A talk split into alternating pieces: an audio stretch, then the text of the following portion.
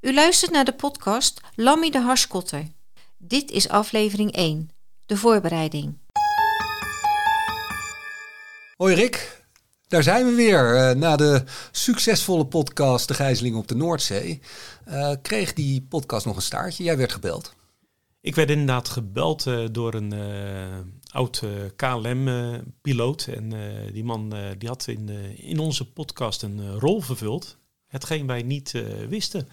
En, uh, nee, en hij was ook de jongste niet meer volgens mij. hij was niet de jongste meer. Nee, een 80-plusser die uh, onze podcast beluisterd had. Ja, ja geweldig. Dat is alleen al mooi natuurlijk. Ja. Dat was, was fantastisch.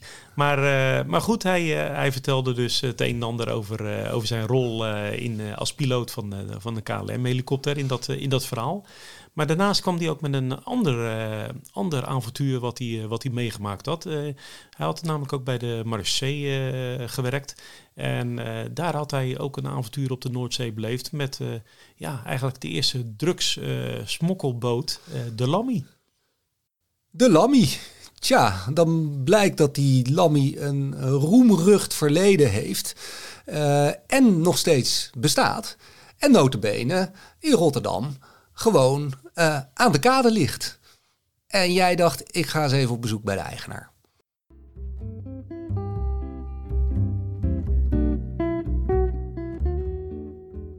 Ik kocht hem als de Lisa.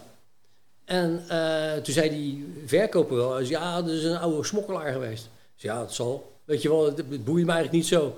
Ik, het was een hele oude, uh, vieze boot. En die wilde ik iets moois van gaan maken. Dus ik was al eigenlijk in mijn gedachten hem helemaal aan het leeghalen, aan het slopen. En ja, of het dan whatever was, dat interesseerde me niet. En toen op een gegeven moment ja, kwamen meerdere vrienden van mij van... Peter, is dat de Lammy geweest? Hoorde ik. zei, ja, ik zei, nou, hij nou, dus zo kwam dat verhaal van de Lammy raakte ik in geïnteresseerd. En een, uh, een, vriend van ons is, is journalist. En toen zijn we die geschiedenis een beetje ingedoken. En toen werd het, ja, ik denk, Jezus, wat leuk joh, dat dat, uh, hè, dan, ging dat, ging die boot ook nog veel meer voor je leven. En toen was het ook zo leuk. Toen op een gegeven moment dacht ik, ja, dan moet hij ook weer de Lammy gaan heten. Want hij heette Lisa. Nou, we hoorden de huidige eigenaar van uh, de Lammy, Peter Booms.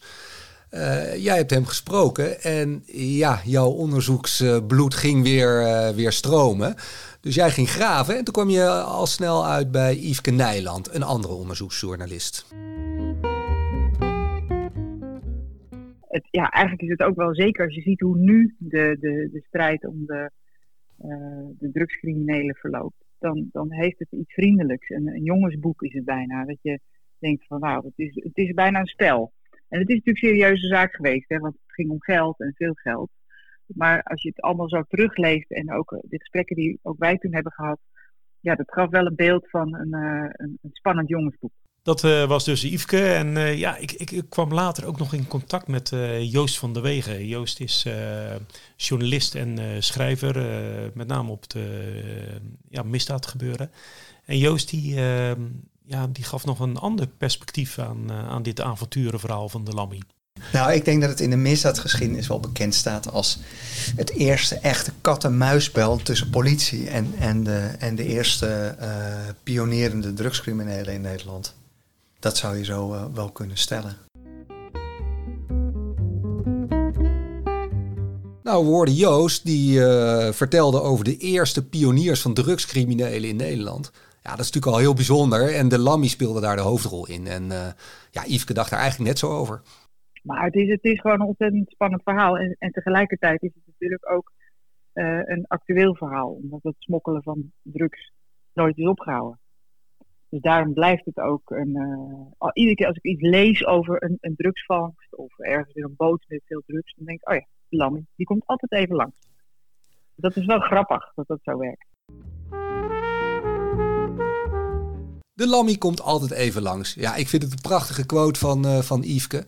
Maar ja, wie waren er nou eigenlijk betrokken, Rick, bij, uh, bij de Lammy? Wie waren nou eigenlijk de hoofdrolspelers in dit verhaal? Nou, zeker te weten was dat in ieder geval een uh, van de grote financierders. En uh, dat is Frits van de Wereld. En onze Joost van de Wegen kan daar alles over vertellen.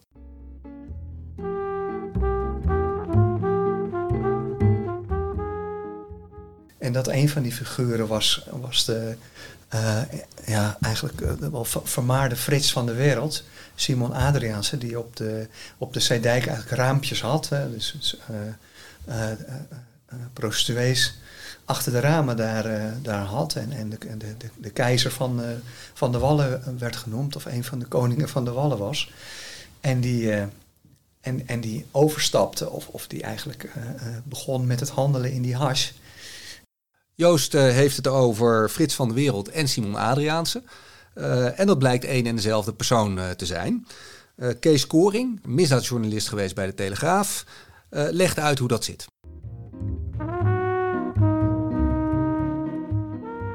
omdat hij een café had dat De Wereld heette, werd hij Frits van de Wereld genoemd. Zoals veel mensen in die tijd op en rond de Zeedijk en de binnenstad van Amsterdam een bijnaam hadden. Dat gold niet alleen voor uh, de mensen die toen in de criminele wereld zaten, maar dat gold ook voor de, de hoeren die daar werkten, voor de pooiers die daar werkten. Maar Frits die heette dus Van de Wereld en die woonde in de bocht van de Zeedijk ik ging daar dikwijls in die tijd gewoon bij hem op de koffie, want hij was erg best benaderbaar, zoals veel van die zogenaamde nou, ja, godvaders. Zo. Het is een groot woord voor iemand die in Nederland in de misdaad zat. Maar goed, hij werd gezien als een belangrijke man in die business. En hij financierde en hij smokkelde zelf maar, en als hij dan voor de recht, rechter zich moest verantwoorden, dan, dan, stelde hij zich op als iemand die, nou ja, meneer de rechter, ik weet helemaal van niks. Wat zou over me vertellen? Dat zijn allemaal sprookjes. En zo nou, moet je die man zich voorstellen. ruige kop, zat diep in, in, in, het gokwerk en hij financierde dus smokkel. En terwijl hij wist dat ik over hem zou kunnen schrijven. Ik heb hem ook, ik heb hem ook beschreven in rechtbankzaken. En nou ja, ik schreef daar over. En het was, dat kon je zonder, dat kon je straffeloos doen. Dat kon je gewoon, dat was niet zo dat als je daarover schreef, dat je dan een, makker van Frits van de Wereld op visite kreeg. En hij zegt dan, nou als je nu daarmee verder gaat, dan neem je het te grazen. Dat was niet in die tijd.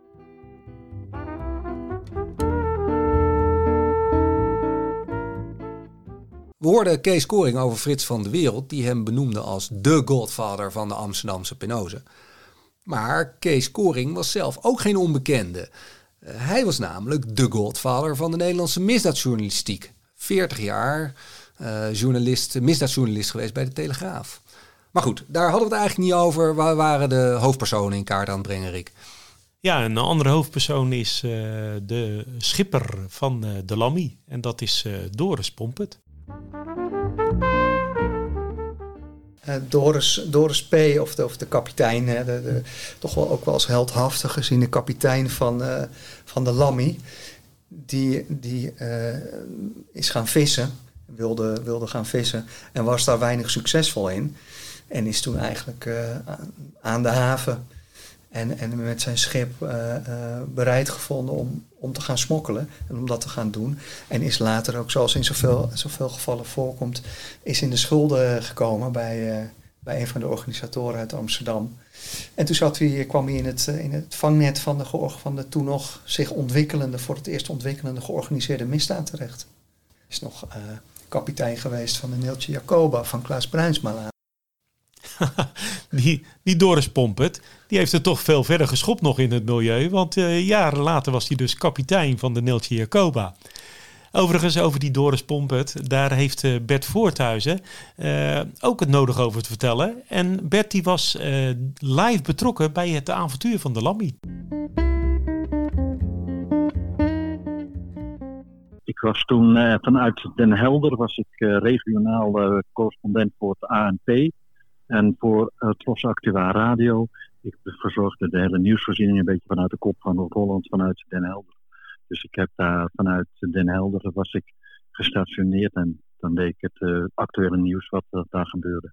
wat ik weet vanuit de visserij in Den Helder, dat Pompert daar toch een, een beetje een, een, een bluffertje was. Want er was um, in die zin, hij, hij kon niet helemaal zijn mond houden. Want later bleek dat een deel van de vissers in Den Helder wel een beetje wisten wat die Pompert aan het doen was. Hij was natuurlijk al heel slimmig bezig met uh, achteraf zijn, zijn, zijn boot prepareren erop.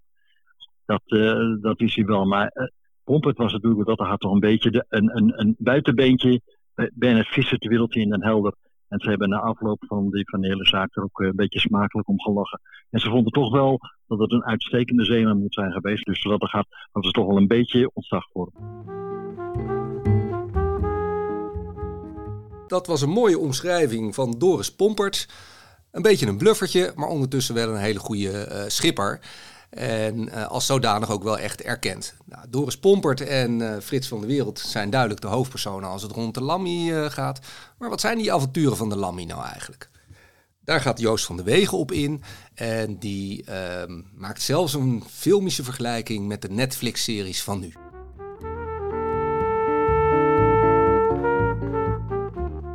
De Lammy was misschien ook wel de eerste zaak die uh, echt heel filmisch was. En we zitten nu allemaal naar Netflix te kijken. En, en volgens mij zijn op Netflix uh, zes van de tien series en films gaan over uh, narco-staten of drugsbaronnen. En de Lammy was natuurlijk in, ja, voor wat betreft beeld en, en verhalen in de krant en misschien in, in het eerste journaal waarin zo'n schip voorkwam. natuurlijk natuurlijk een, een avonturenverhaal en, en was enorm tot tot de verbeelding sprekend. En daar moest de politie natuurlijk een, uh, een antwoord op geven, ook in die opsporing. Dus, dus ja, dat zij zich gingen organiseren, dat, uh, uh, dat spreekt voor zich. Ze, ze, moesten wel. Dat was dus Joost met zijn narco-series bij Netflix. En hij vergeleek de Lammy met, met dergelijke avonturen. Ja, en dat avontuur dat begon dan al in 1974 in Nederland. Uh, op een politiebureau in Den Helder. Uh, ik zou zeggen, Netflix avant la lettre.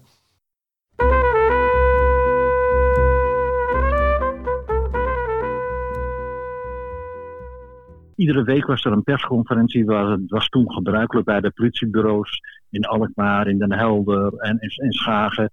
Als ze er wat nieuws hadden, dan kwam je politiebureau en dan kreeg je de journalisten van de lokale kranten, van de regionale kranten, kregen dan informatie over hetgene was gebeurd. Ik was daar in Den Helder en ik kreeg een tip dat er op het politiebureau in Den Helder wat bijzonders aan de hand was. Maar niemand wilde zeggen wat. Dus ik, op een gegeven moment ben ik bij gaan posten voor dat politiebureau in Den Helder.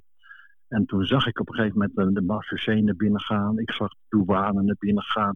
Toen was er nog de Rijkspolitie, die hadden we nog. Die ging naar binnen toe. Dus op een gegeven moment kreeg ik wat informatie van een bevriende politieman. Die zei, nou er is iets met een schip en met, met de verdovende middelen en zo. Dus op een gegeven moment ben ik dat politiebureau ingestapt. En toen kreeg ik de kapitein Veenstra van de Rijkspolitie, die uh, ving mij op. En die zei tegen mij, uh, toen ik vertelde dat ik wat uh, hoorde over een, een, een, drugs en, en, een boot, een visserboot. Toen nam hij me mee naar binnen, naar de operatieroom, heette dat toen. Toen heeft, heeft hij mij alles uitgelegd van waar ze mee bezig waren. Hij heeft alleen gezegd, op het moment dat je één letter publiceert, is onze hele operatie stuk. Dus ik zal het je allemaal vertellen, je mag, ik zal het je nu vertellen, je mag er niet over schrijven, maar zodra we gaan, actie gaan ondernemen, dan zullen we je informeren en dan ben jij de eerste, een van de eerste die daarbij betrokken raakte. En ik moet zeggen, eh, het brandde uh, weliswaar als nieuws natuurlijk, maar ik heb het toen inderdaad netjes een afspraak gehouden.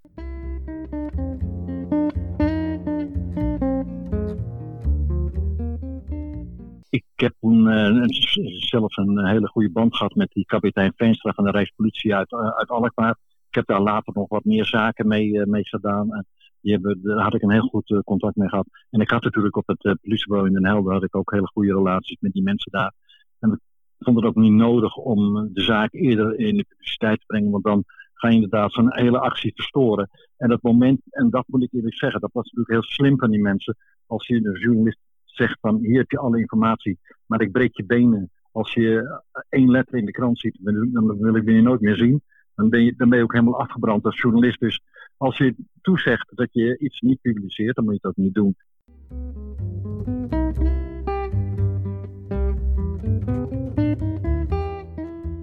We horen Bert eigenlijk bevestigen waar we het al over hadden, hè, over dat tijdsbeeld.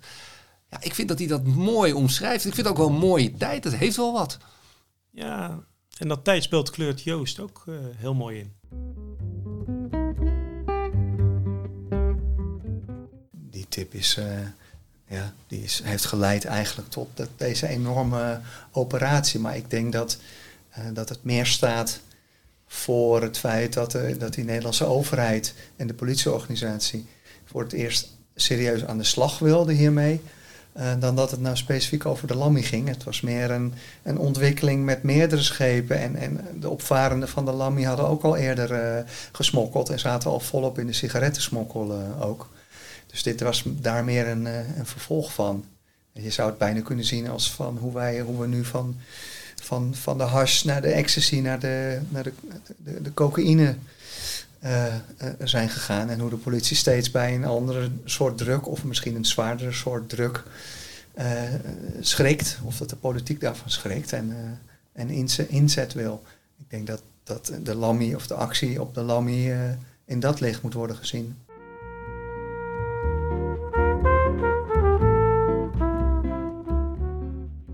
Ja, smokkel in die tijd, dat was dus echt al wel, al wel gaande. Hè? Alleen het beperkt zich nog een beetje tot drank en, uh, en sigaretten. Maar de douane maakte daar wel echt al serieus werk van. En ja, Rick, jij bent dat een beetje gaan onderzoeken en jij bent terechtgekomen bij Anne Starrenburg. Ja, ik, kwam in contact met Anne. En uh, Anne Starrenburg is de zoon van de voormalig kapitein van de douaneboot, de Zeearend. En zowel uh, zijn vader als uh, de douaneboot De Zeearend zullen we nog vaker terug horen komen in uh, dit avontuur. Al die snabbeltjes van sigaretten. Ja, sigaretten, dat was de ho hoofdmoot. Drank en sigaretten. Ja. Dat, was, dat werd gigantisch veel gesmokkeld. En dat was eigenlijk de hoofdmoot van zeevarenden om die ja, om dat uh, te pakken te krijgen en te zoeken. En aan boord van schepen ging het ook allemaal, als ze moesten onderzoeken een schip, was het allemaal uh, drank en sigaretten.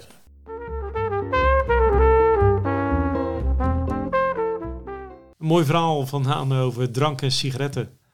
Ja, dat, dat, is, uh, dat is een beetje het algemene beeld hè, wat hij schetst. Maar hij kwam ook echt met hele specifieke informatie rond de Lammy. Ja, hij vertelde onder andere over het feit dat uh, de marine en de politie en de rijkspolitie, marechaussee en uh, douane, dat die allemaal bij elkaar gekomen zijn wekenlang voordat de LAM hier eigenlijk uitvoert. Ja, en, en dat is bijzonder. Hè? Dat was echt voor het eerst dat al die instanties echt met elkaar samenwerkten. Uh, ja, met het doel om, om die Lammy te gaan pakken. Ja, en uh, Anne beschrijft ook hoe dat eigenlijk allemaal verzameld is, die gegevens. En daar heeft hij een mooi verhaal over. Ja, ze werden, er werden continu, uh, waarschijnlijk één keer uh, per week, werden de vergaderingen uitgeroepen in Rotterdam. Dat was het centraal uh, punt om te bespreken hoe het moet. En er werden die draaiboeken gemaakt, wat er doen bij arrestaties. En hoe kunnen we ze arresteren. Want als je dat ziet in die draaiboeken, er staan ja, tientallen telefoons op wie wie moet bellen. Ja, dus ja, het is een heel uh, ingewikkeld draaiboek, vind ik.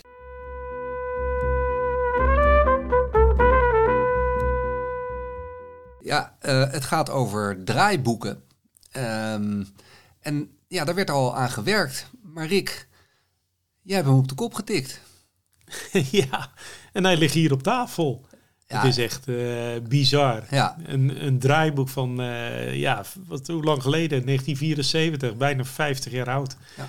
En, uh, en, ja, en het, is, het is echt serieus bijzonder, hè? want um, nou, we hebben natuurlijk een beetje in, in zitten bladeren, maar de, de mate van detail en wat er allemaal in omschreven is, ja, ik, nou, mijn bek viel open, echt. Ja. niet normaal. Als je ziet hoe, de, hoe alle instanties zich, eh, zich hebben voorbereid Ja, op, ja. die, op die, op die Lammy-tocht die nog moest plaatsvinden, Ja, maar- weken later. En ze, zijn dus al, ze waren dus al wekenlang Ja, nou, bezig dat- dat- geweest, bij elkaar gekomen. Hè? We hebben gehoord, eh, in Rotterdam kwamen ze wekelijks bij elkaar. Eh, maar als je ziet hoe dat draaiboek er ook Ja, uitziet. nou, dat is, dat is echt fantastisch. Ja, het is jammer dat we wat dat betreft in een podcast zitten. Want ik zou, ik zou het aan iedereen willen laten zien. De, de, een, een, een tekening van de Lammy met alle maten erbij. Eh, de, de, de auto's, de kentekenplaten, de telefoonnummers. eh, alles wat je maar kan bedenken staat er gewoon in. ja, en, is en, echt zelfs, niet normaal. Is echt niet normaal. en zelfs hebben ze het al over de terugtocht van ja. de Lammy. Ja, Dat als de Lammy terugkomt en waar die dan ook Ja. eventueel zijn hars aan, land zou willen eh, af, afstaan. Dat, dat in elke eh, vuurtoren zit een politieagent. En ehm, als ze in Zeeland zouden komen, zou de, de Zeelse politie optreden. ja. Eh, komen ze in Noord-Holland, dan zou daar eh, bij IJmuiden, bij, Ja. bij, bij Den Helder... Echt tot in de puntjes voorbereid. Echt. echt bizar. hè? Ook eh, dat je, ja, dat- wat je, wat je zegt net, die auto's van, van, de, van, van de, de eventuele financierders, hadden ze zelfs de kleuren van de auto's en, Ja. en wat je zegt, de kentekenplaten. Ja, Ja. ja, het, Ja, het het is is- echt ongelooflijk. En, en wat ik trouwens ook heel bijzonder vind, dan verwacht je, althans dat had ik verwacht, hè, we praten jaren 70, eh, daar zitten tikfouten in en dat is dan doorgehaald met tipex of een streepje erdoor, weet ik niet. Niks daarvan. Keurig netjes.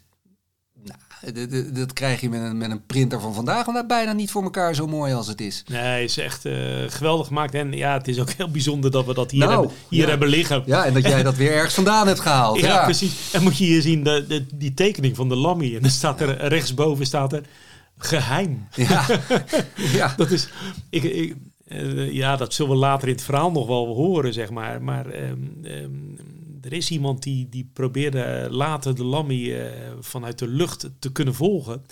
En eh, doordat die maten erop staan van, van de Lammy, eh, zijn ze daar ook, eh, ook achter gekomen. Dus ja, het is een geweldig draaiboek. Nou ja. En eh, ja, niet alleen aan eh, vertelde daar zojuist over, maar eh, ook eh Yveske, eh, die, eh, die kan daar het, eh, haar verhaal nog over vertellen.